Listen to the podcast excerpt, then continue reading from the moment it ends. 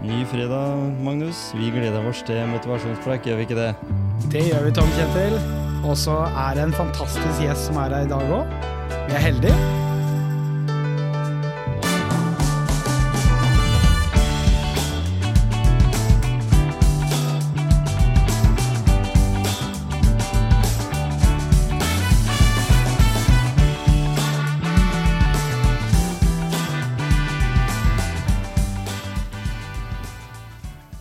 Er vi klar med en ny episode i Motivasjonspreik, vet du. Og i dag så Jeg tror ikke han har løpt hit. For det, om han hadde gjort det, så hadde det bare vært eh, 2,5 km. Løpetur fra Varp og ned til Gjemsø. Det er ikke så veldig langt. Men uh, han er uh, Norges uh, sjefssmører, altså på skiskytterlandslaget. Og en av de i Norge som løper raskest lengst. og fortest, kanskje. Tobias Dahl Fenre, velkommen til Motivasjonspreik. Hei, hei. Artig å få lov til å komme og spille inn podkast. Jeg har vært med på en del podkaster før, men det har vært sånn typisk koronapodkast på sant? Teams og Messenger osv. Så, videre, så det var jo artig å få komme ned her på, på, på Gråten og så ja, prate litt. Jeg har støvsugd eh, det som, har vært, som du har vært med på, og da har det vært mye snakk om fag.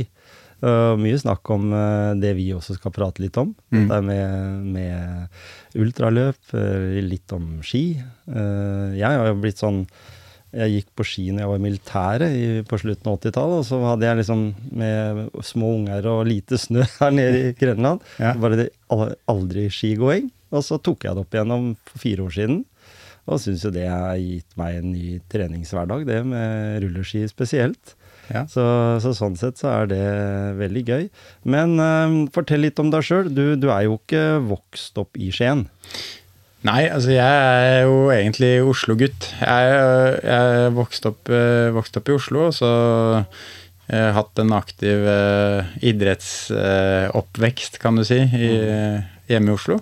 Men eh, en fire år yngre bror som eh, alltid har pusha meg av gårde, og, og aktive foreldre som alltid har vært glad i liksom å vi har alltid vært på tur. eh, Hvis det har vært eh, helg eller ferie eller et eller annet, så er det liksom Det har vært helt naturlig for oss, eller for meg hele, hele mitt liv, på en måte, så er liksom det med, det med tur og trening og være ute Det har vært tingen. Og så ble det jo på en måte i, i ung, ung voksen og ungdomstida så ble det skiløper jeg liksom eh, jeg skulle være skiløper. Skulle bli verdens beste på ski, da. Det var jo tingen.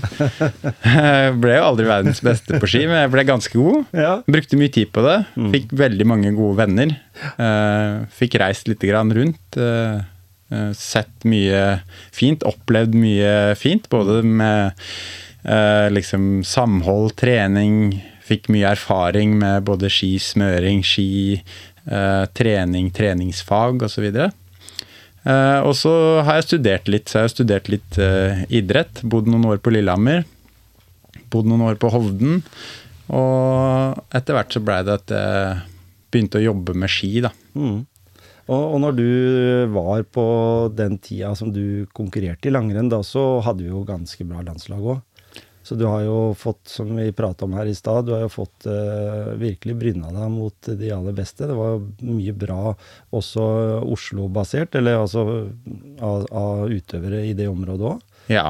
ja, så jeg har vokst opp sammen med Eirik Bransdal, Anders Glørsen, Martin Sundby, Øystein Pettersen. Eh, Den gjengen der eh, har, har jeg vokst opp sammen med og, og hatt mye, fin trening og konkurranse med. Noen mer enn andre. Og, og det, det har jo på en måte prega eh, Hva kan du si min min karriere òg, i form av både at jeg blei slått mye, og at jeg slo mange andre, og at jeg har på måte eh, opp med en veldig sånn konkurranseprega eh, lek rundt det å, å, å drive med idrett. da.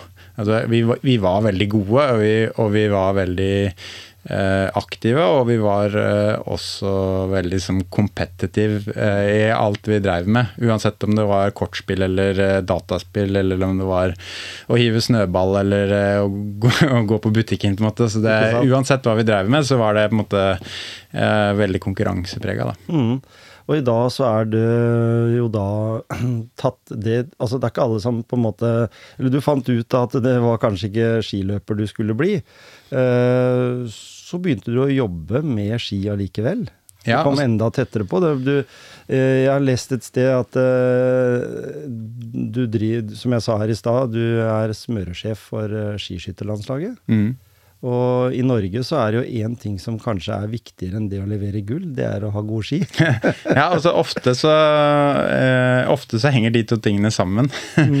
For vår del. Eh, så har vi den der litt eh, Den litt vanskelige skytinga oppi det, og vi da som driver med skiskyting. Men Ja, ja. eh, eh, den historien der, den var egentlig litt sånn at eh, det var litt tilfeldig at jeg havna opp i, i Fischer, altså Finor i Norge. er Importøren av Fischer ski i Norge. Det var litt tilfeldig at jeg havna oppi der. Eh, jeg rett og slett så søkte jeg, søkte jeg litt jobber når jeg tenkte at jeg, nå var det ferdig. Mm. det kunne like gjerne blitt at jeg blei skitrener. Jeg var innom forskjellige alternativer på det òg, men jeg havna liksom på, på, oppe i Nittedal og på, på Finor hjemme hos eh, Odd Martinsen, eh, som har bygd opp dette firmaet, og, og hadde en veldig god kan, kan, kan kalle det egentlig en slags læretid der, da. Så jeg var der i, i fem år og, og gikk på en måte gradene i forhold til uh, mange ting. Jeg lærte meg å jobbe. Jeg lærte meg å være strukturert. Jeg lærte meg å være tidlig opp og seint i seng. Uh, jeg lærte veldig mye om uh, det med å drive bedrift. Lærte en del om eh, økonomi, økonomistyring og, og det å ha struktur på, på ting. Det å ha et eh, bredt perspektiv på, på måten man jobber. Da. Altså se at eh, jeg som drev mye med sponsorater, sponsing og utstyr som i, i gåseøynene var gratis, hadde alltid en, en tanke på, det, eh, på kostnaden i andre enden og hva man skulle få, få ut av det. da. Eh, Så den eh, reisa der på, på Fischer, den gikk jo egentlig Så jeg kjente jo alle de beste løperne i Norge. Både i skiskyting og, og i langrenn så hadde jeg Jeg, jeg var jo eh, personlig på en måte venn med alle sammen. Og det ble veldig naturlig at jeg hjalp dem. Mm. Etter hvert som jeg fikk kunnskap om, om det med ski, altså hvordan man lager ski, hvordan man finner de gode skia eh, ut av en haug med ski, eh, og etter hvert så på en måte sammenhengen og behovene fra de forskjellige delene av det med å få et skipar fra å være papp, eh, papp og, og, og plank til å bli raske ski på start, mm. så kunne jeg på en måte bidra i hele næringskjeden der. Så jeg kunne eh, bidra i form av hvordan skiene skulle se ut når de ble produsert. Jeg kunne bidra med å få, dem, eh, få de riktige skia til de riktige løperne, og jeg kunne bidra for løperne til å finne de riktige skia den dagen de skulle bruke dem. Kunne smøre skia og, og kunne ta tilbakemeldinger og, og gå motsatt vei i, i hierarkiet, kan du si. da. Uh, sånn at etter hvert så blei det naturlig for meg å bidra også på de beste løperne på de riktige tidspunktene, kan du si. Så jeg var med, med Fischer da, og, og det norske laget eh, både i VM i Falun og, og VM i Kollen eh, mens jeg jobba i, i Fischer. Altså Falun med langrenn og, og, og Kollen med skiskyting. Eh, og hadde en stund også ansvaret f.eks. For, for Petter Northug sine ski når han ikke var på landslag. Eh, og jeg fikk mye erfaring. Og så ble det jo sånn sant, at uh, er du litt flåsete kanskje, men er du god, så blir du henta inn der, der det trengs mest. Headhunta. ja, på en måte, jeg kan si det sånn, men jeg kjente jo igjen, ikke sant. Jeg var jo kamerat med alle som drev og smurte, og, og det passa veldig godt eh, å gå etter hvert eh, fra å jobbe mer ensomt og, og, og bidra i forskjellig sammenheng til å, til å drive med lag. Da. Så jeg har vært veldig opptatt av det med lagbygging. Mm. Det med å utvikle en gruppe og en prestasjonskultur og jobbe med hvordan man på en måte kan optimalisere detaljer i et system for å, for å få ting til å fungere over tid. Altså, eh, for meg så har det aldri vært interessant å, å levere et godt resultat én gang. Det har vært eh, på en måte eh, repetisjonen av det som har vært eh, spennende. Og hvordan man kan stå i en prosess der man skal levere gode resultater over tid, ikke bare over eh, uker og måneder, men over mange år og, og gjennom flere OL-perioder. Mm. kunne klare å skape kontinuitet i en vanskelig arbeidssituasjon. Det å kunne klare å optimalisere forholdene for de som står i den vanskelige situasjonen. altså Det å klare å, å, å, skaffe nok penger til å gi en ok lønn, det å kunne skaffe riktig utstyr, det å skaffe gode arbeidsforhold i forhold til dette med fluor og, og forurensning og, og gift osv. Eh, det har vært ting som har, har, vært spennende for meg å måtte kunne eh, sette meg inn i og prøve å, å utvikle. Spesielt fordi at den gjengen som jeg, som jeg jobber med, på en måte kan kalle eh, kompisene mine på jobb. Mm. Altså at eh, det har vært viktig for meg at de skulle, skal ha det bra. da. Ja, er dere åtte stykker, eller var det det i hvert fall siste jeg fant ut av? Ja, Det har vært litt forskjellig. Altså, akkurat nå så er vi sju mann som jobber mm. i worldcup-laget, og så er vi tre mann på det som vi kaller for IBU. da. Så at, ja. Eh, jeg, totalt sett så er det ti stykker som har en slags eh, fast kontrakt, eller som mm. jobber på kontrakt. Og så har vi en to-tre stykker som jobber uh, innimellom der det trengs hjelp, hjelpe til. Ikke sant, når det er litt sånn uh, situasjoner. situasjon. Ja. Blir det sånn, tenker jeg da, når du som leder for, altså for skiskytterlandslaget, da. Vi vet jo at skiskyting er jo litt spesielt sett i forhold til langrenn også. Fordi du liksom, du kan skyte deg vekk, men har du veldig gode ski, så kan du kanskje greie å, å gå litt, altså, altså gå, ta igjen noe, da. Eh, og så kan det være at du Men det skjer jo også i vanlig langrenn, men så kan det være at du ser at det skjer et eller annet med en utøver. Mm. Føler du da, eller dere, blir liksom sånn Fy faen, hva er det vi har gjort med de skia? Er det skia? Er det, er det hun, eller er det han, liksom? Blir en sånn Jeg kjenner bare når jeg sier det, så er det liksom sånn høy puls. For jeg tenker at jeg har jo sett TV og sett uh, konkurranse der sånne ting skjer. Ja. Alle lurer på hva er det som pokker har skjedd her? Fordi vi har jo dette her med føre, og det kan være pluss tre grader nederst i der, og så skal du opp en liten bakke, og så kan det være minus én. Ja. Altså Heldigvis, da, for min del, så, så øh, er det jo bare skøyting i skiskyting. Mm. Så de, de, store vanskelighetene i forhold til ski, de ligger jo på festesmøring, vil jeg si. Ikke sant? Uh, og spesielt det med å få god, godt feste samtidig som du har god glid på festesmøring. Mange tror det med festesmøring handler bare om feste, mm. men det ligger jo veldig mye av glien i en klassisk ski ligger også i, i festesmøringen. Så, så, jeg har jobba veldig mye med festesmøring og, og syns det er fryktelig spennende, men jeg er veldig glad nå for at jeg er på det nivået som jeg holder på nå, at jeg mm. måtte ha ansvar for en gjeng som jobber med glid. Da. Så det, det, er veldig sjeldent at de store, dramatiske smørebommene handler om glid, mm. men det har skjedd. Uh, og det kan skje. Um, så vi jobber i et veldig sånn um, si, Vi har et veldig satt, solid system mm. uh, som vi utvikler sakte. Uh, vi gjør de samme tingene om igjen og om igjen. og om igjen, og om igjen. Vi, vi, jobber jo tre og tre uker. altså det vil si at Vi reiser tre uker sammen, og så er vi en uke hjemme, og så er det tre uker sammen. Så vi tester ski hver dag uh, i ja, la oss si fire til fem timer på snø hver dag, alle sammen i tre uker, ja. og får sånn sett veldig mye resultater. Og har veldig god kontroll på situasjonen som regel. Mm. Så er det akkurat de gangene hvor føret endrer seg. Det kan være at noen andre har veldig gode ski, som gjør at våre løpere eh, Det ser ut som de har veldig dårlig, men det kan være rett og slett at noen andre har smurt ekstremt bra. Mm. Og så er det noen veldig, veldig få ganger som du sier at det er én løper det gjelder. Mm. Hvis det er én løper det gjelder, da skal man som TV-seer være litt observant. Mm. Da er det Det er veldig sjeldent at det da er skia. Mm. For vi gjør det samme med alle skia. Mm. Men det kan skje. Og de gangene det skjer, så er det jo utrolig ergerlig. Mm. Og en veldig, det er en vemmelig følelse å sitte med det ansvaret på en måte, og sitte og vite at uh, her har du liksom kjørt det uh, kjørte ut på sida for, for, en eh, løper. Ja. Eh, det kan skje. Eh, og det er jo det som er litt spennende òg. Vi vet jo aldri Snøen forandrer seg fra minutt til minutt, mm. fra time til time. Og vi vet aldri akkurat at, hva vi skal gjøre. Men vi gjør det best mest kvalifiserte kan jeg si, gjettingen vi klarer. Mm. For det er jo det vi driver med. Altså, vi stiller spørsmål når vi går ut og tester. Så mm. er den bedre enn den? Er denne bedre enn den? eh, og så til slutt så finner vi et svar, og, og, som regel med den kompetansen og erfaringen som vi har, så er jo det Det handler om for oss å ikke gjøre feil. Mm.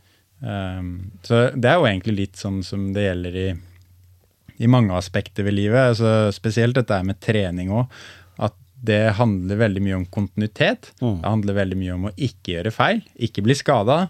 eh, ikke bomme, ikke sant? Mm. Eh, det trygge over tid er jo ofte det beste. Så for oss i, i smøresammenheng så vet jo vi at vi har så sterke løpere at vi trenger ikke å smøre de beste skia for å vinne.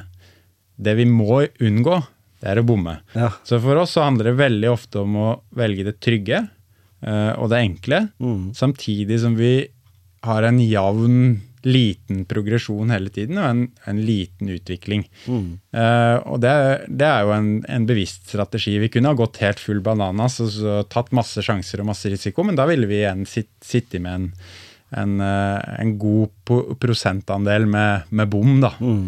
Eh, og når vi har så gode løpere som vi har, er vi veldig heldige. ikke sant? Vi har jo de beste løperne i verden, både på dame- og herresida. Så er det eh, ikke logisk for oss å ta store risiko, da. Nei. Også, også når du har eh, det som gjelder, tenker jeg på, på skiskyting, dette er som vi var inne på i stad, dette er med også skyting. Mm. Eh, stamplass, du har mye som innvirker på disse, disse utøverne. Det er, det er kanskje sånn Ole, Ole Bjørndalen, han vet ikke om han syns han det var enkelt og så gå fra landslaget og så gå inn på langrenn i stedet, for da kunne han bare fokusere på bare å gå. Eh, men allikevel, han var jo god, da. Eh, for han var jo sånn, kanskje en sånn typisk langrennsløper eh, i, i hvert fall i skøyting. Mm. Men, men allikevel så, så syns jeg det som gjør kanskje skiskyting eh, mer spesielt enn en vanlig langrenn, det er jo nettopp det der med at du, du har liksom høy puls, kommer inn på standplass. Eh, hele organisasjonen er jo også veldig på, ikke sant. Alt fra han som skal følge med på om skytinga går bra. Kommentatorene i NRK er jo veldig kompetente. De Mm. kan veldig mye om, om skiskyting, Mm. Uh, og har jo sine meninger. Eh, så det er mange faktorer. Mm. Som du sa her i stad, dette med at du slipper å tenke festesmøring og sånn. Men allikevel så er det jo utrolig Jeg vet jo det sjøl fordi jeg har kjøpt meg noen forholdsvis bra ski fra å ha noen dårlige ski. Mm. Eh, og hvor, når vi bare vokser de og forsøker å gjøre på best mulig måte, sånn som vi kan, da, en kompis mm, Per og jeg, så eh, merker vi kjempestor forskjell. Og da tenker jeg Dere går jo noen ganger fem-seks mil Mm. på ski. Etter eh, Dere er jo Norges sprekeste smørelandslag, har jeg lest. Ja, ja det, det, går det, jeg tror du kan si, du kan si at uh, vi, er, vi er blant verdens beste uh, Ja. smørelandslag. Det er nok langrennslaget inn til Norge også veldig spreka, Altså Ikke ikke, Men uh, vi har en helt annen mulighet enn det de har. altså i forhold til Uh, hovedorganisasjonen vår, kan du si, altså IBU, da, Internasjonale Skiskytterforbundet, og Mm. FIS, som er for langrenn, de har veldig forskjellig angrepsvinkel i forhold til det norske laget. Mm. Så FIS de er på en måte alltid ute etter det norske langrennslaget fordi de er så overlegne. Mens uh, IBU uh, er veldig flinke til å ta vare på både oss og de, de små nasjonene og alle andre. Og vi har en annen uh, Altså vi har uansett alltid tre timer tilgjengelig før start til skitest. Mm. Mens uh, langrenn har kanskje bare tre mann som får lov å teste i én time. Oh, ja. Så vi har, en helt annen, vi har et helt annet utgangspunkt enn dem i forhold til å gå mye på ski. Mm. Det, jo, det gjør jo også at uh, jeg f.eks. snitter godt over 50 km om dagen i, i de tre, tre ukene jeg er ute uh, og, og tester ski. ja. Og, og det gir resultater over tid. Det er ikke det at det er nødvendig hver dag å gå de 50 km, men det er nødvendig at vi holder et høyt uh, volum på innsamling av informasjon over tid. Mm. Uh, fordi at uh, det gir den eh, erfaringsbasen som vi tar, eh, gjør avgjørelser på. da. Men hvor mange skipar har en normal eh, norsk eh, landslagsløper? Det er veldig forskjellig. altså Der igjen er jo sånn skimerkene veldig forskjellige i forhold til hvordan de opererer Mm. med produksjon og hvordan de opererer med, med prosessen før vi får skia. Ja. Noen uh, produsenter uh, velger å la oss gjøre jobben. Mm. Så si at vi får uh, 60 par ski, og så skal vi kanskje sitte igjen med 10. Eh, mens eh, andre leverandører leverer oss ett par ski, og så har de testa fram og vet at det er, er bra. Mm. Uh, så jeg vil si at det, det, det riktige svaret der er vel at eh, løperne på elitelaget hos oss, da, de har, eh, vi har, kanskje, vi har nok én løper som har en ca. 25 par ski. Mm. Og så har vi en løper som har eh, per dags dato eh, langt over 100 par ski. Ja. Kanskje 150 par ski. Såpass, ja. Eh, Så det er veldig forskjellig, og veldig forskjellig også hvordan smørerne jobber. Mm. eh, I forhold til hva, hvor flinke eller dum, du, lure eller dumme de er som sender ut ski. For det her handler det om å ha de rette skia tilgjengelig til det rette tidspunktet. Mhm. Eh, og der ligger veldig mye ansvaret på smøreren. Så hos oss så er det ingen løpere som tester spesielt mye ski sjøl. Det hender at de, de prøver dem, men det er veldig, veldig, veldig sjeldent. Ja. Så i skiskyting så er som Du, du snakka jo om skiskyting som en interessant, eh, et interessant langrenn. Jeg syns jo også det at eh, langrenn begynner å bli kanskje det kan, Dessverre også nå som Russland ikke er med, så, så kan jo langrenn fort bli litt kjedelig å se på. Eh, mens skiskyting er spennende. Og, og der uh, er det sånn at uh, skiskyting er jo en mental idrett. Så du skal være 100% på, du skal ha full gass i kroppen, du skal gi jernet i løypa, og så skal du roe deg helt ned.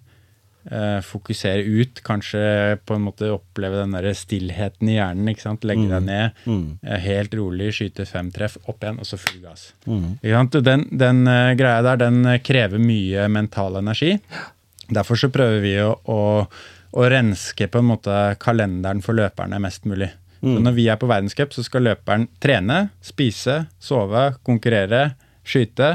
Men skal ikke teste ski. Han skal ikke frakte ting hit og dit. Han skal, ikke, altså han skal gjøre minst mulig av de tingene som han egentlig ikke trenger å gjøre.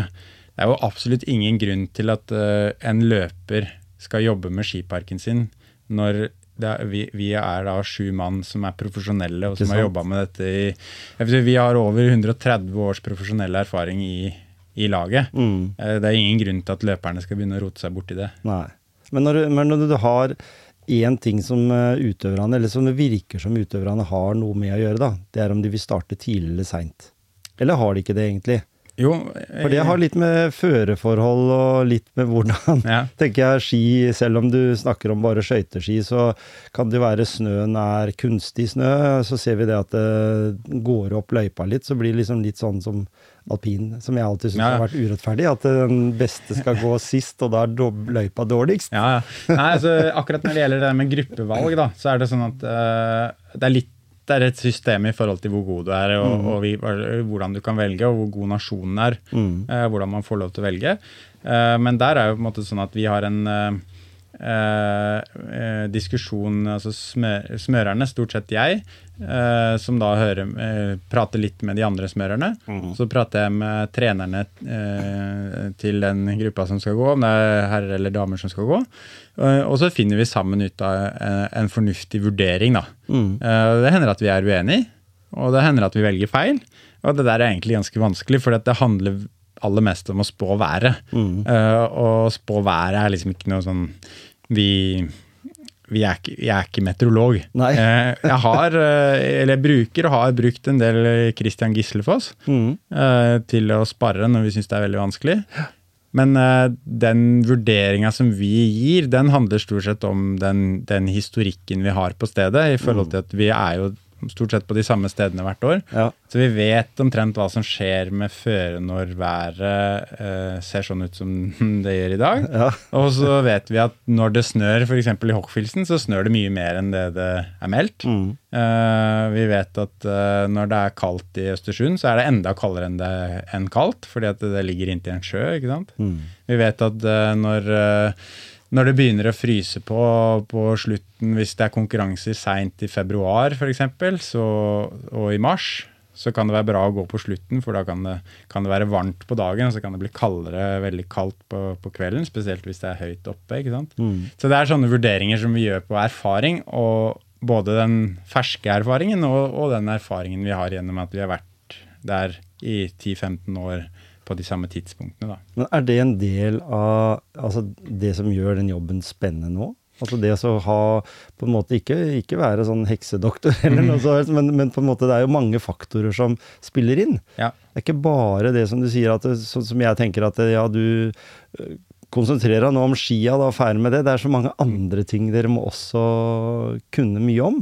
Ja, altså spesielt eh, for, for, min del, da, som er på en måte en leder i gruppa generelt, mm -hmm. dette, så er det en del uh, aspekter ved det som, som ikke handler om skismøring, som jeg syns er spennende. Mm. Eh, og, og, akkurat det med puljevalg, det er noe, sånn, det er noe greit nok. Det, det, kan være utfordrende og greit. Men av, de, av, de, andre tingene rundt, da, så er det, dette er med både med psykologi for løperne, men også for de som jobber rundt. Altså mm. at man, man, passer på å holde et slags moment for for de som jobber der. Blir, vi er jo en vanlig arbeidsplass. Selv om det er på et uvanlig sted og på en uvanlig måte, så er vi fortsatt bare folk. Mm. Uh, som trenger søvn, og som trenger uh, mat, og som trenger Ikke sant.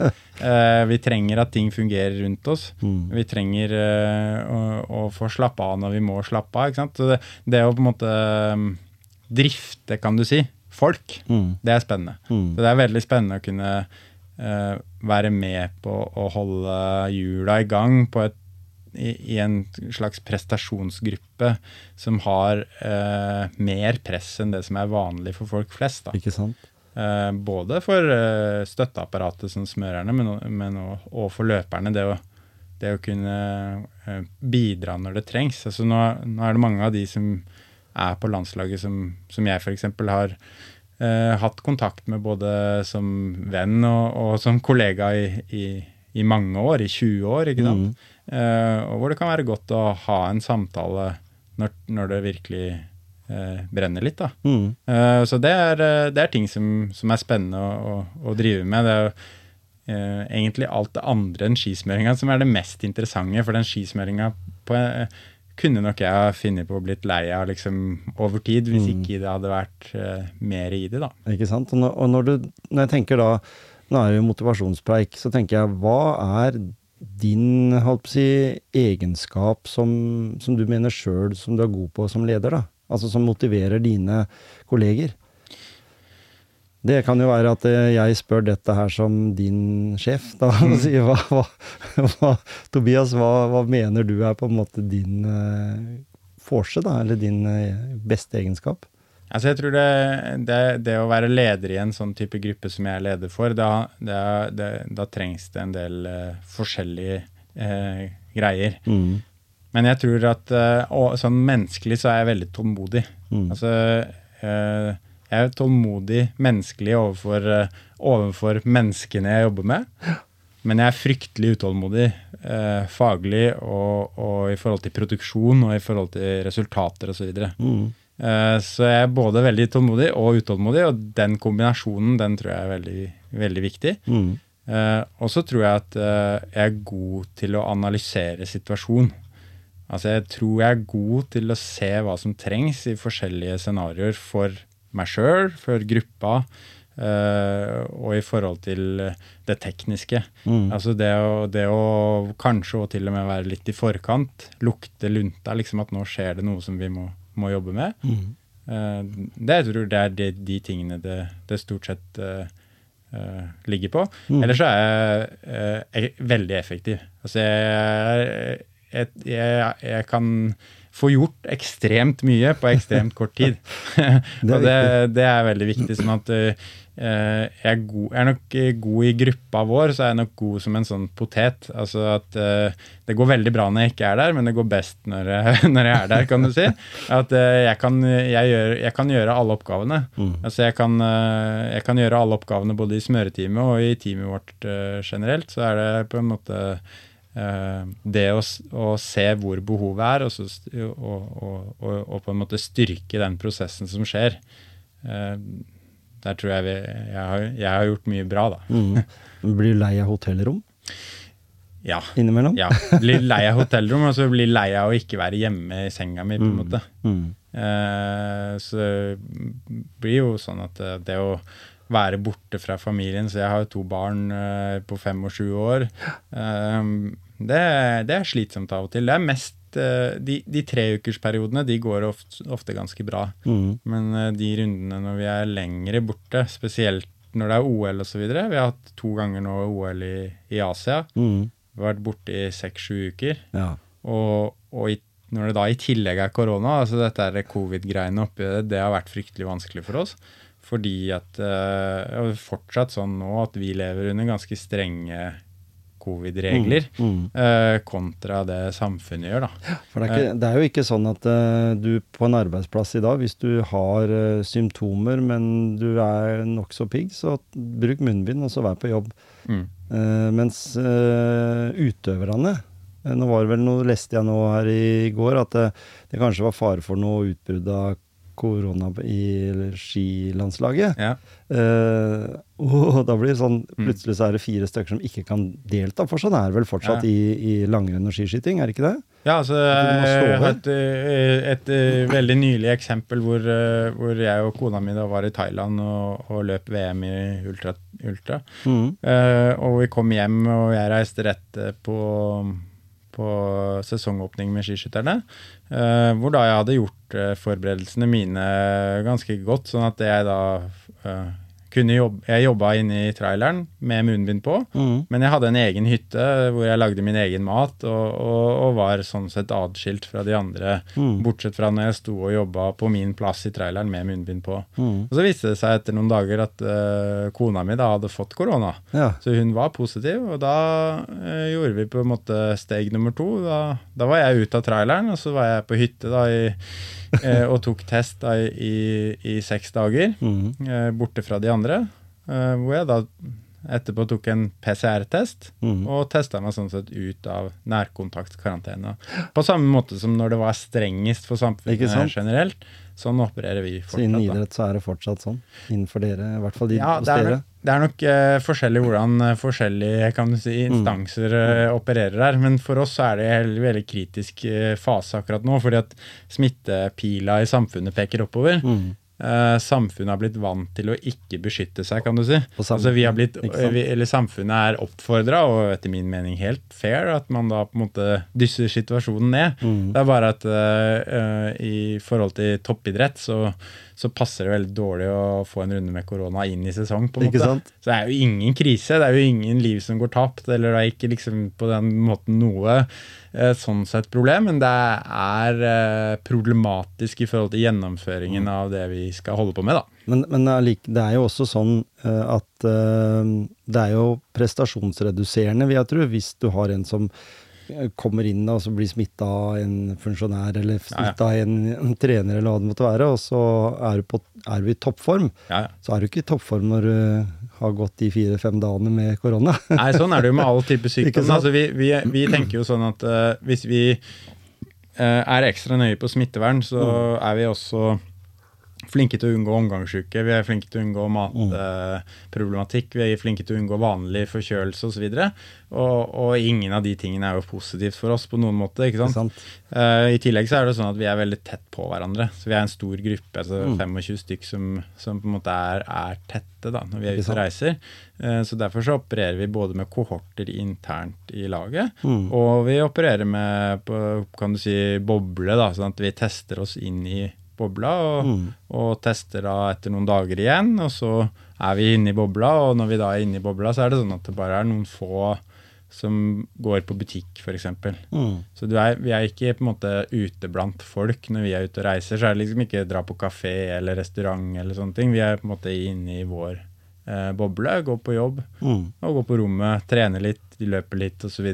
Men, men eh, ganske sånn beskytta. Det er jo også en utfordring. altså Det er slitsomt. Mm. Og- og- Mentalt så er vel det sikkert slitsomt, men på en annen måte så kanskje du kan si at det kan være litt fordel òg, fordi eh, sånne sykdomsutbrudd er sjeldnere kanskje enn det det var tidligere. Nå kan det bare være vanlige skader, på en måte. Ja da. Hvis en er Eh, bevisst. Vi, vi hadde veldig lite problematikk med korona eh, internt hos oss i forhold til hva det kunne vært. Ikke sant? Jeg, jeg hadde par En vanlig arbeidsplass, ikke sant? Ja, du måtte jo stå, stå av også, du bare av mistanke. Ja, ja. ja, ja. Så, ikke sant? så dette, for oss er det bare handler om å være ekstra forsiktig. Mm. Uh, men eh, for min del helt u, uproblematisk. Altså, Ja. vi, vi, er, vi er nødt for å ta de forhåndsreglene vi gjør, og så er vi glad når vi kan være på jobb. Ikke sant? Uh, og så er det jo bare fint å la, prøve å la være å bli sjuk. Mm. Det er litt kjedelig for uh, resten av familien at man, man er veldig rigid sånn på vinteråra. Men ja, får man Sånn er være litt flinkere til å være sosial på sommeren. Da. Mm, ikke sant, tar igjen da. Da blir det, da blir det litt eh, Tar noen lange ferieturer, eller blir det hyttetur da på sommeren?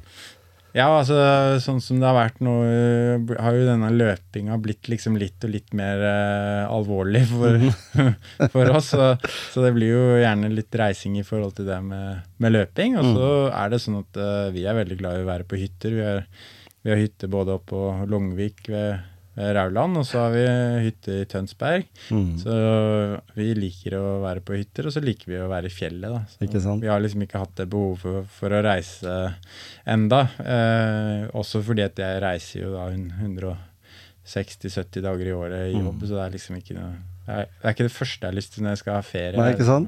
Men, men allikevel, da. Så nå er vi jo litt på vei over i Tobias sin hobby. Mm.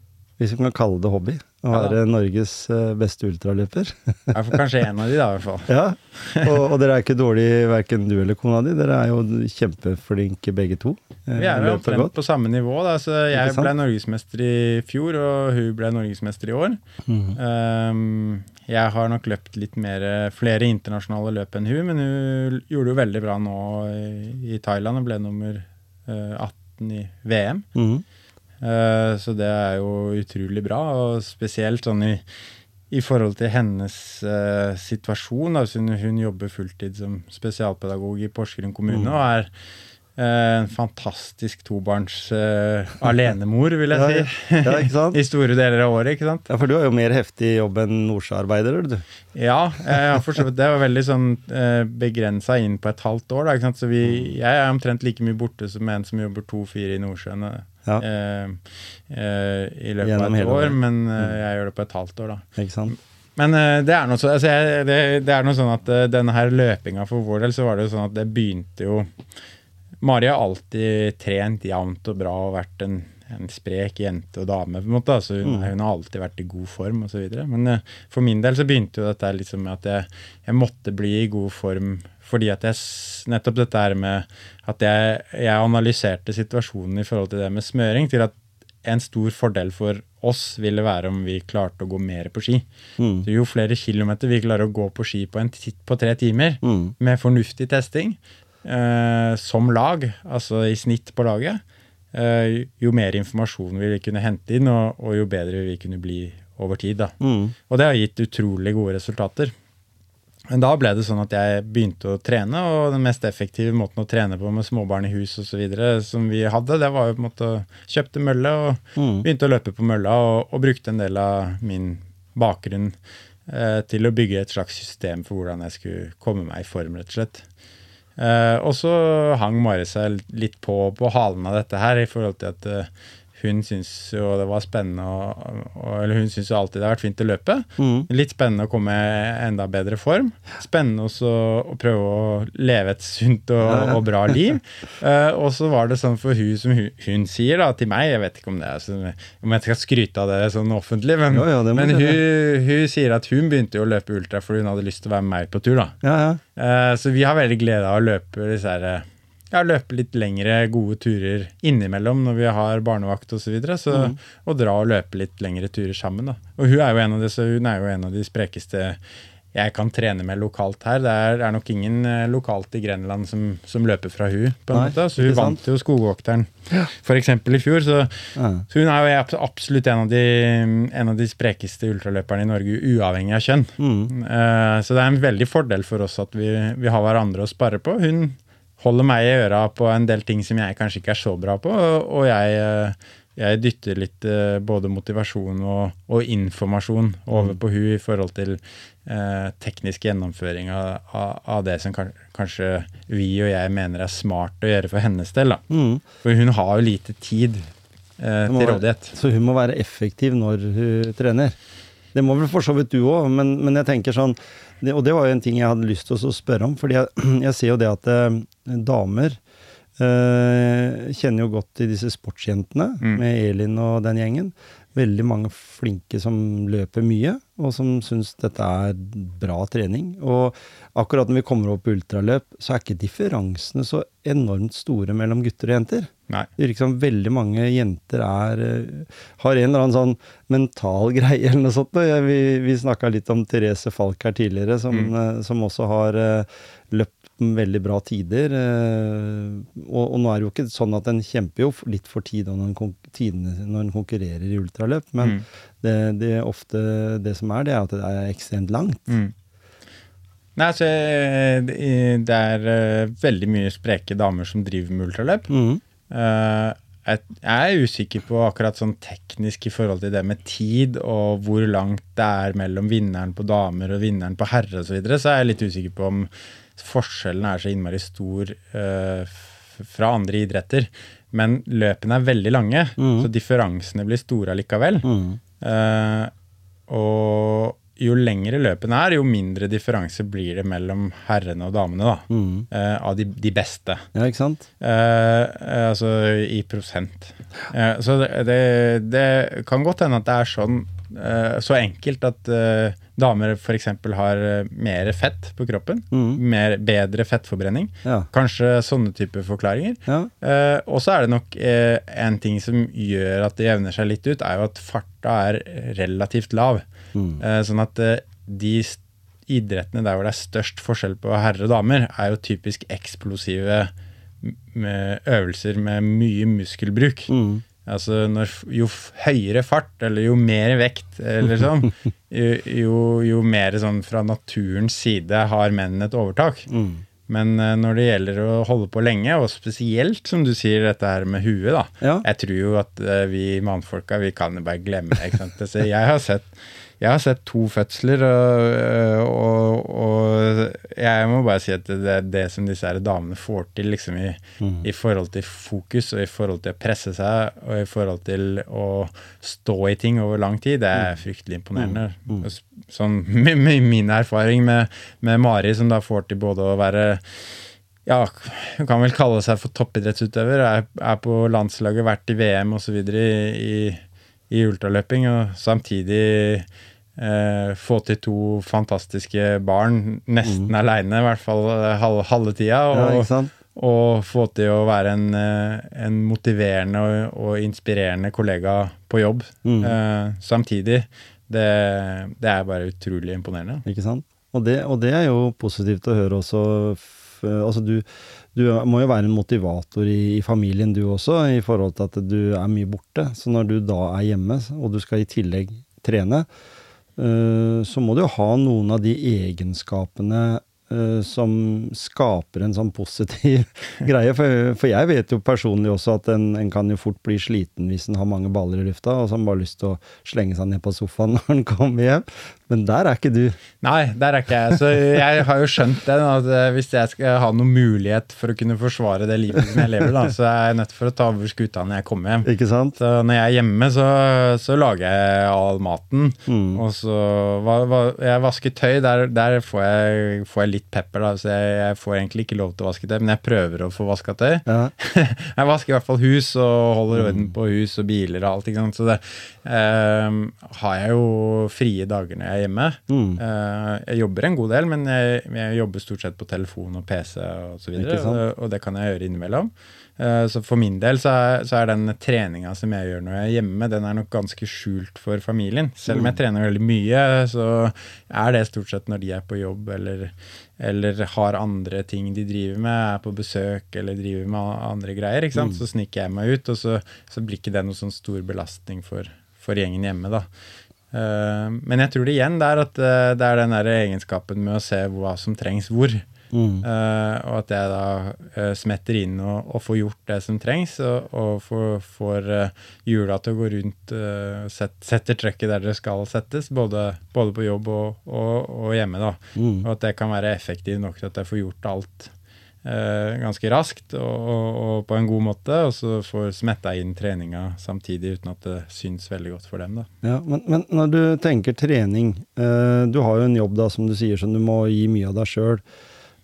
Men så bruker du jo også løping som en, eh, i tillegg til, tenker jeg, mosjon og holde formen oppe, er det, er det en slags medisin for deg òg? Liksom litt sånn, får du nulla ut uh, huet litt når du er ute og løper? Ja, absolutt. Så det, det begynte jo med altså, løpinga som, som, vi gjør når, vi, når jeg er ute på skirenn. Mm. Den, begynte, den, kommer som en konsekvens av at vi går veldig mye på ski, og at vi bare skøyter. Mm. Så det er, det er, behov for å bruke muskulaturen på en annen måte, rett og slett for å holde det i gang. Altså hvis du skal gå en 1000-1300-1400 km på ski på tre uker, så, og skøyting Hvem som helst kan prøve det, mm. og så vil de oppdage at det er behov for, kan du si, kall det restitusjonsbevegelse. Mm. så det begynte egentlig med å få rista løs, liksom holde kroppen litt i gang. Mm. Så er det veldig god trening, tror jeg, i forhold til det med det, hvis, du, hvis du kan på en måte pense det inn på på ultraløping igjen, så er jo mm. dette med å holde på over mange timer hver mm. dag over mange dager, det er nok en veldig, en veldig god grunnbase i forhold til trening. Uh, men jeg, jeg må jo si at jeg har jo på en måte blitt avhengig av den uh, stimulien som jeg får av å være ute. Mm. Altså Enten om jeg er ute og tester ski, eller om jeg er ute i skogen og løper, eller hvordan jeg er det. Altså, det beste jeg veit, er jo liksom å, å, være ute i skogen og løpe, eller på fjellet. Altså opplevelsen av å, å bevege seg dynamisk i terrenget. Mm. Måte, og, og, oppleve å se og uh, støkke opp en rype og se en elg løpe av gårde. Liksom. Det, er, det, er, jo de opplevelsene der som jeg jeg vil ikke bytte det mot noe som helst. Altså, jeg, jeg, det vil jeg ha resten av livet, og, og, og, det er noe som jeg trenger for å, for å ha det bra. Mm. Så sånn sett er det den, en mental, mental, greie. Og så kommer vi inn på det der med ultraløp, da. Flere andre som jeg har hatt med tidligere i podkasten her også, som, som har, eh, har, og driver med ultraløp, uh, sier dette som også du har sagt, det sosiale. Mm. Det er en helt, en helt, spesiell sosial setting. Altså, nå vet jo du det fra du driver jo på toppidrettsnivå, både med ultraløp, men også er du borte med ski. Mm. Uh, og så sier alle at det er så ekstremt sosialt. Alle bryr seg om hverandre. Eh, sånne, sånne, ting som jeg på en måte tenker som er det perfekte innenfor det å drive med idrett og aktivitet, er jo nettopp det der, eh, den sosiale biten. For jeg har spilt fotball i mange år. og mm etter at jeg slutta når jeg var 48, eh, eller hva det var, 49, eller kanskje jeg ble 50. I hvert fall garderobemiljø. ikke sant? Mm. Det er litt det samme som du har den sosiale settingen i en, en ultraløpgruppe. da. Mm. Uh, kan du si litt om det? Ja, altså uh, Først og fremst er det sånn at jeg, jeg, har jo vært innom mange idrettsmiljøer mm. i, i, mitt idrettsliv, og jeg har aldri opplevd noe så inkluderende setting som det å dra på et ultraløp i Norge. Mm. Altså, Uløpa i seg selv er veldig inkluderende, veldig åpne. Alle er velkomne. Mm. Eh, alle prater hyggelig med hverandre. Det er, det er, lite sånn jag og stress og styr eh, rundt det. Det veldig, handler veldig mye om opplevelsen. Eh, vennskap. Det handler om å skulle ut på et oppdrag sammen, kan du si. Uh, så der kjenner meg jo ganske godt igjen i forhold til det, med, det som jeg driver med på jobb. Mm. At man blir veldig sånn tett sammensveisa. Og så har du jo på en måte den daglige treningen. Altså den, den, det, det, som skjer hjemme, på en måte, mm. eh, i treningssammenheng. Det å dra ut med en kompis og så løpe i tre, fire, fem, seks, åtte timer. Det er jo kvalitetstid. Mm. Altså den, den uh, praten som går Eh, det man utveksler av, av, av ting. Altså det, det, er ikke så veldig ofte at man som voksen sitter så lenge og drikker øl sammen, for å si det sånn. Nei. Og det er ikke så mye fornuftig som kommer ut da. Heller. Eh, det kan være det, det er ikke det. Men jeg, jeg, opplever at eh, det scenarioet, altså den settingen, den mm. får jeg ikke noe annet sted i mitt liv, i hvert fall. Så får jeg ikke vært kan du si, dypt sammen med folk på en sånn måte som jeg klarer å være når jeg når jeg er ute og løper med dem. da. Ja. Um, så har du på en måte det tredje scenarioet i forhold til det med miljø. da, Det er jo sånn type Grenland Ultra Runners som, som jeg har vært med å, å starte og bygge opp. Som, uh, som, er på en måte bare en løs gruppe med masse forskjellige løpere. Mm. Um, originale gruppa av en sju-åtte stykker som, som satte oss ned og, og, og, begynte å liksom forme et slags uh, kameratskap, kan du si. Uh, der det er uh, løpere fra alle nivåer, og hvor vi har treninger både sammen og med mange og sammen med få. og Hvor vi, vi løper kort og vi løper langt, og hvor vi også arrangerer løp sammen. Mm. og det syns jeg er kanskje noe av det, ja, det mest givende sånn Bortsett fra og, og, og liksom den egoistiske gevinsten av å liksom vinne løp og være kjempegod og den greia der, den, det er jo ikke noe å legge skjul på at det er, liksom, det, det er godt å kjenne på det å ha suksess. Mm.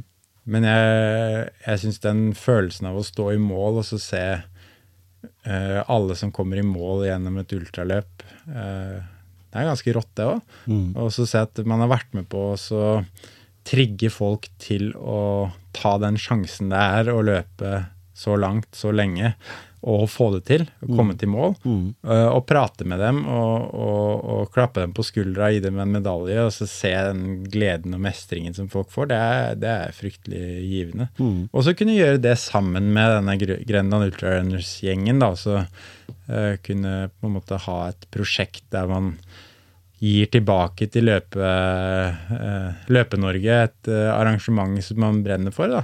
Så løy, en løype som vi har lagd sjøl. Mm.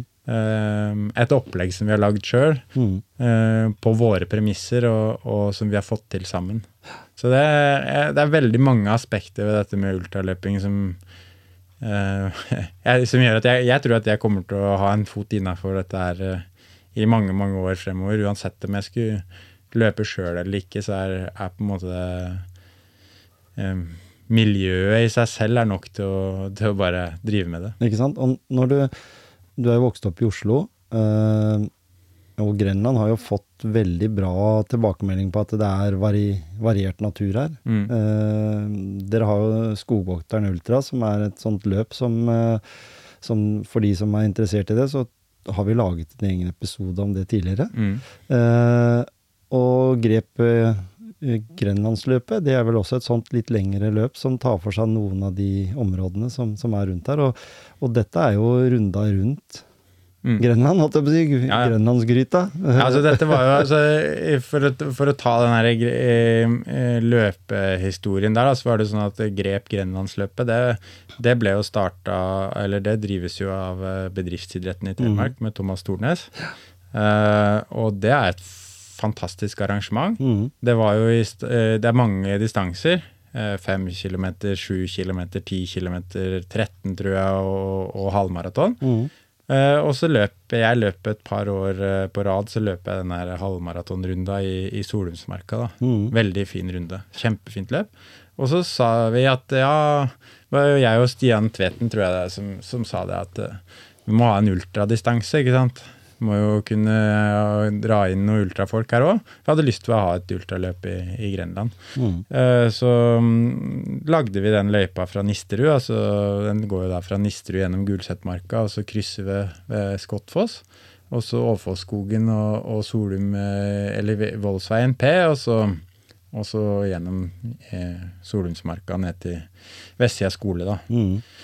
Ja, så det, det, var på en måte begynnelsen, og det har vært et uh, veldig bra løp. Men vi ville, liksom, vi ville ha noe mer. altså at uh, Hjertebarnet mitt og, og til denne her Grenland Ultrarunners-gjengen, det har jo vært Skogvokteren. Og, og, der har jo hele ideen vært at vi hadde lyst til å løpe rundt hele byen. Mm. Og at uh, vi som løper mye rundt i skauen her, vi, vi, vet jo hva slags mangfold det er. Mm. I forhold til det med, med både med underlag på stien. Altså vi har barskog, løvskog, vi har svaberg. Det er, det er, veldig stor variasjon. Hvis man åpner øya og ser hvor forskjellig det ser ut når man er på skredhellet kontra når man driver og går på piggen, mm. så er det, det er ganske stor forskjell. da. Det er stor forskjell. Uh, og vi hadde lyst til å vise fram dette her til, til folk utenfor Grenland også. Mm. Uh, samtidig som vi hadde lyst til å utfordre lokale løpere på en heftig distanse. Mm. 50 miles eller, eller 88 km, en løypa rundt Grenland. Det, er, det, har vi lyst til at skal være en, en manndomsprøve. Mm. Uh, vi har lyst til at det skal være noe som skal uh, fange interessen inn mot Grenland. Uh, vi har lyst til å vise fram stiene som, som eh, DNT har merka og, og holder ved like, og som vi også driver og, og pusser på og holder på med og løper på eh, til daglig. Dette her er jo på en måte en, en indrefilet av et løpe, eh, løpeområde mm. som har lite oppmerksomhet i utgangspunktet. Så tror vi det at eh, gjennom eh, både at vi, vi, er ute og løper løp rundt omkring i Norge, men også samtidig at uh, vi presterer ganske bra. Mm.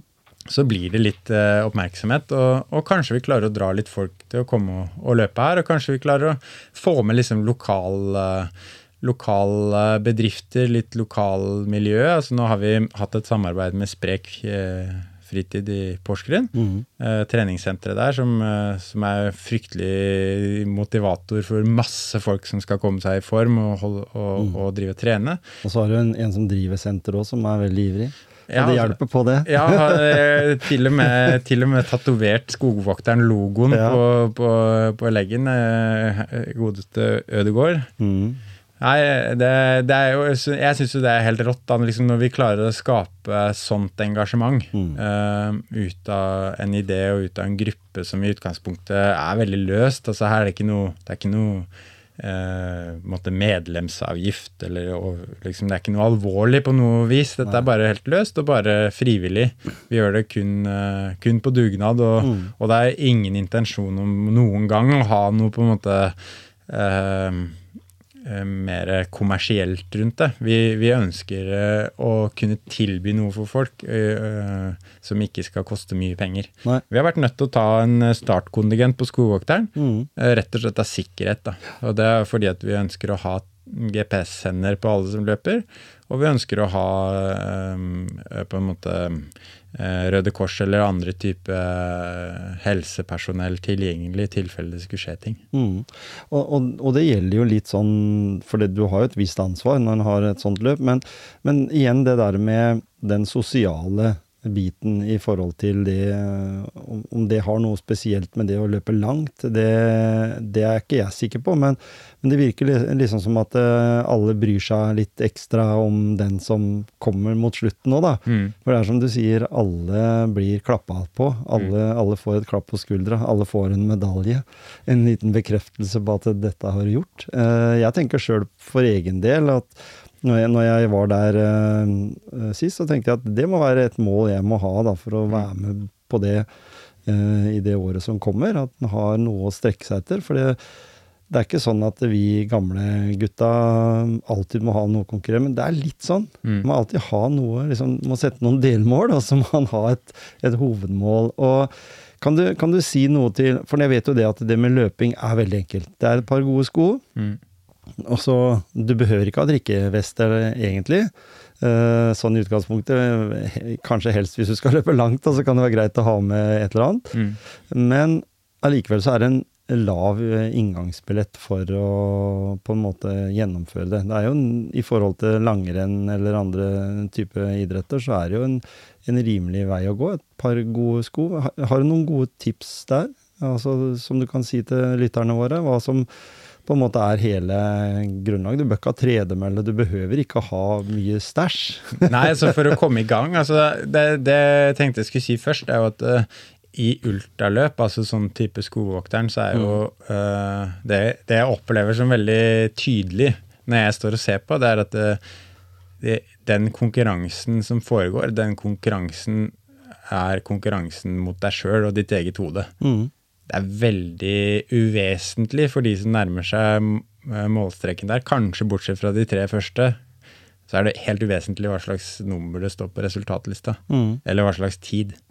Det handler eh, om å gjennomføre, det handler om å få opplevelsen, det handler om å oppleve at kroppen faktisk har klart å, å ta deg mm -hmm. igjennom hele runda som du hadde drømt om å jobbe for. Mm. Og da er det ikke nødvendig å kunne løpe fort. Det er heller ikke nødvendig å, å liksom ha en toppform. Det handler om å, å, ha en grunnform å ha løpt nok til at ikke du på en måte ja, bryter sammen. Mm. Men løpt nok, det er veldig relativt. Altså det, er, det, er, det, er ikke det, det, trenger ikke å være at du skal løpe en mil om dagen. Liksom. Det, er, det, handler om å ha gjort noen forberedelser, spesielt den siste tida inn mot løpet. Mm. eh, som gjør at det blir en mer behagelig ferd. Men eh, det går an å gå løypa på omtrent 20 timer. Hvis du går fort og klarer å gå fort gjennom løypa, så når du tidsfristen, og du kommer deg rundt. Egil er jo et eksempel på det. Han har gjort det flere ganger. Gått raskt gjennom hele løypa. Ja. Eh, og da handler det mest om hvordan du er mentalt innstilt. Hva er det du ønsker å oppnå? Hvilket nivå er det du sjøl har? Hvordan eh, har du tenkt at den dagen skal bli? Og, og hva slags motivasjon har du for å gjøre akkurat det du skal gjøre? Uh, også når det gjelder forberedelsene, det å komme i gang med løping, så er det som du sier, det, med gode sko, det er kjempefint. Og så der er jeg sånn veldig opptatt av at uh, vi har alle forskjellige knagger vi kan henge motivasjonen på. Mm. For min del så var det veldig motiverende For det første var det veldig motiverende å, å begynne å bruke Strava, appen, treningsappen Strava. Mm. Uh, For det andre så har det vært veldig motiverende å kjøpe utstyr. Altså kjøpe meg sko. Fine sko, mange sko, masse nye sko. Fordi at eh, jeg er utstyrsnerd og, og utstyrsgæren, og, og har hatt råd til det. Og brukt eh, min, min del av budsjettet på å få liksom eh, bruke det som motivasjon. Noen har det sånn. Andre har det helt annerledes.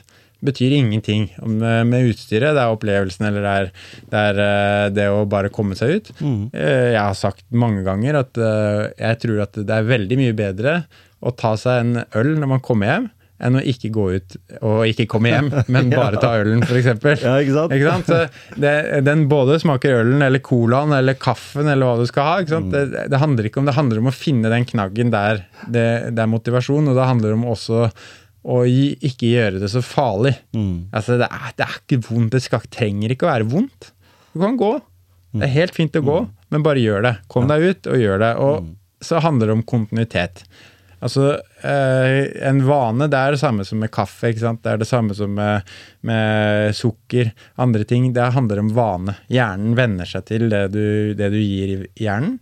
Eh, og, og det å gi hjernen eh, en 20 minutter, halvtime, tre kvarter med bevegelse, gjerne hver dag, kanskje annenhver dag, kanskje to ganger i uka i starten, det er jo for det første innmari sunt. Eh, For det andre så er det jo eh, mulig. Altså det er jo absolutt ikke Det er jo altså veldig, veldig få som ikke har en og en halv time i løpet av en uke til å trene. Og, og hvis du klarer å ha litt kontinuitet på det, så, så vokser det, og så blir det kanskje litt mer. Og hvis du liker det, så ja, da er jo kanskje eh, ultraløping og terrengløping noe for deg. Hvis du ikke skulle like det, så ta, hiv deg på sykkelen, eller dra og svøm, eller gjør noe annet, men vær i bevegelse. Mm. Finne, finne ut hva som er, funker for deg, på en måte. Litt sånn som den Vitapro-reklamen. Ja. ja, det funker for meg. Ja, nei, altså, men jeg, jeg tror at uh, løping er jo ikke for alle. Eh, Det kan vi jo bare være enige om. Men for mange så er det den enkleste måten å få uh, opprettholde eller få god helse. Eh, og det tror jeg kanskje er det viktigste med dette her. Det, det mange tenker at ultraløping det er noe skummelt og langt og vondt og sånn, men det er motsatt.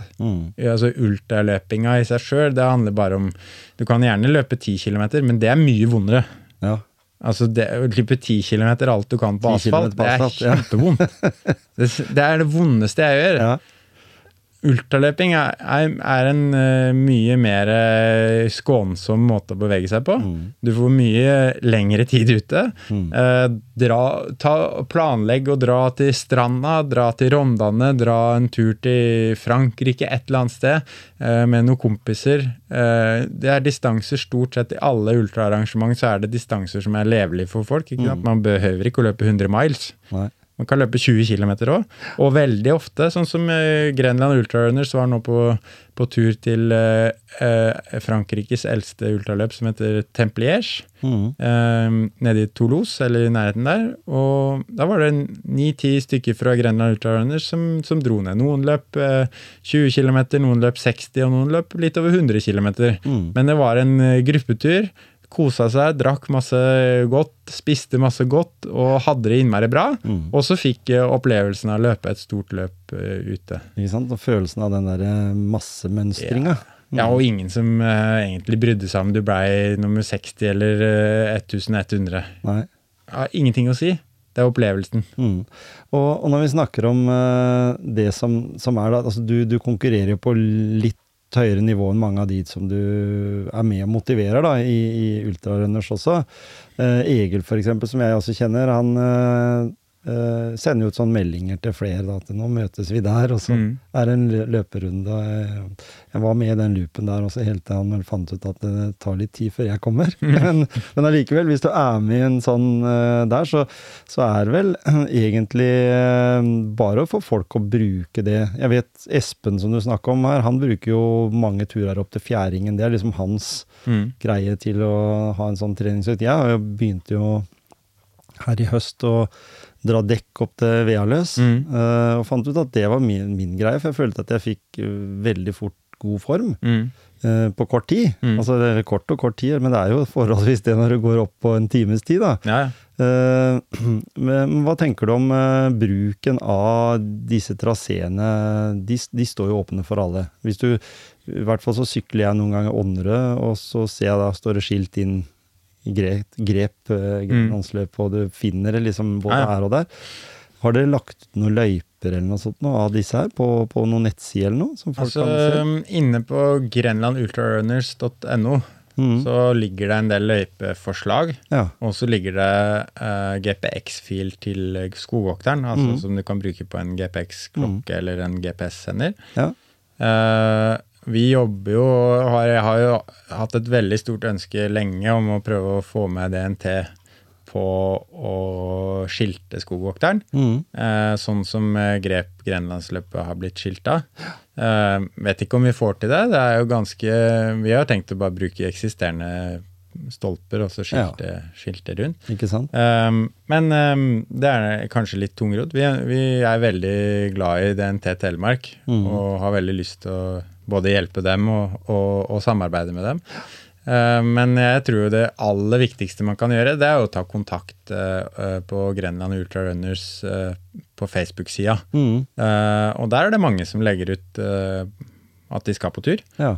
Bare følge med der. Legge, skru på varsling der, så, så er det tur eh, Det er løpetur hver torsdag. Mm. Hver torsdag kveld så er det løpetur for alle nivåer fra, fra fritidsparken. Mm. Jeg lurer på om det nå for tida er det klokka åtte, så det er med, med hodelykt. Ja. Um, ellers så er det jo type sånn um, Det å, å ta tak i naboen, holdt jeg på å si, eller han eh, kompisen som du veit løper litt, eller Egil. Ja. og så bare spørre om du kan ikke si fra når du skal ut og løpe. da. ja, ikke sant? For det er jo mye kulere å løpe sammen med noen. Jeg, jeg trener ganske mye aleine. Mm. Det er fordi at jeg stort sett trener på dagtid. Uh, og at jeg, eh, jeg har litt spesifikke ting jeg ønsker å få ut av det jeg skal gjøre noen ganger. Mm. Men jeg merker jo det at når jeg er ute og løper sammen med Grenland Ultrarunners-gjengen eller, eller andre, at det, eh, for det første så glemmer jeg jo at jeg løper. Altså jeg glemmer at jeg trener. Eh, det er som, det er jo som å dra på Løkka og spille fotball. på Ja. Du, du glemmer at timene går, for at du har det artig med andre folk. Mm. Veldig interessant. Jeg tror vi kunne prata mye om dette her, og, og at ultraløping er en god motivasjon, uh, som all type løping er, i forhold til uh, Så håper jeg vi har motivert noen der ute til å prøve ultraløp. Ja. Også følge med på eh, landslaget i skiskyting, at de gjør det bra. Ja, vi får håpe det. Og så at det blir noen medaljer. Tusen takk for at du ble med i Motivasjonspreik. Bare hyggelig.